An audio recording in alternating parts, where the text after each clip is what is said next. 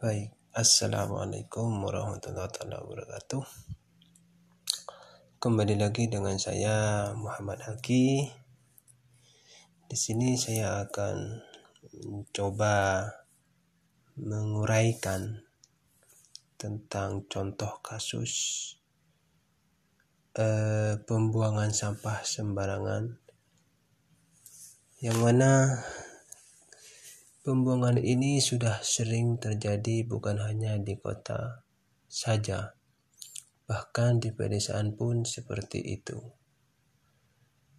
Dan ini sudah menjadi tanggung jawab perangkat desa dan masyarakat untuk bekerja sama dan gotong royong membersihkan lingkungan sekitar desa tersebut.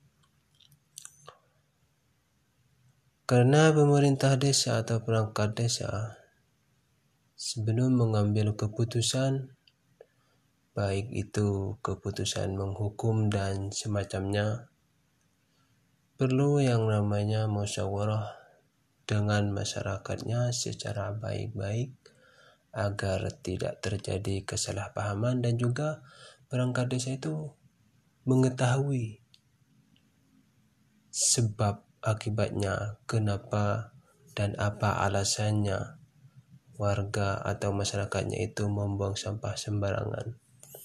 Karena tidak mungkin mereka masyarakat membuang sampah sembarangan.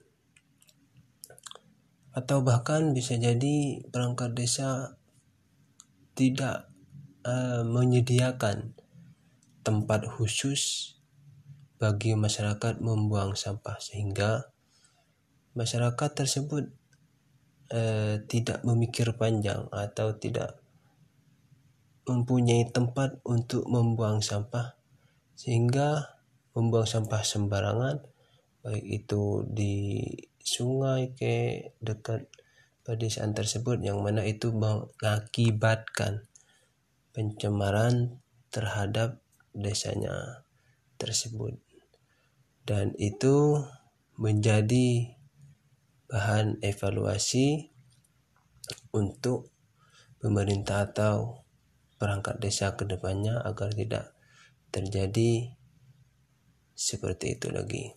Mungkin itu saja yang dapat saya uh, sampaikan tentang kasus pembuangan sampah.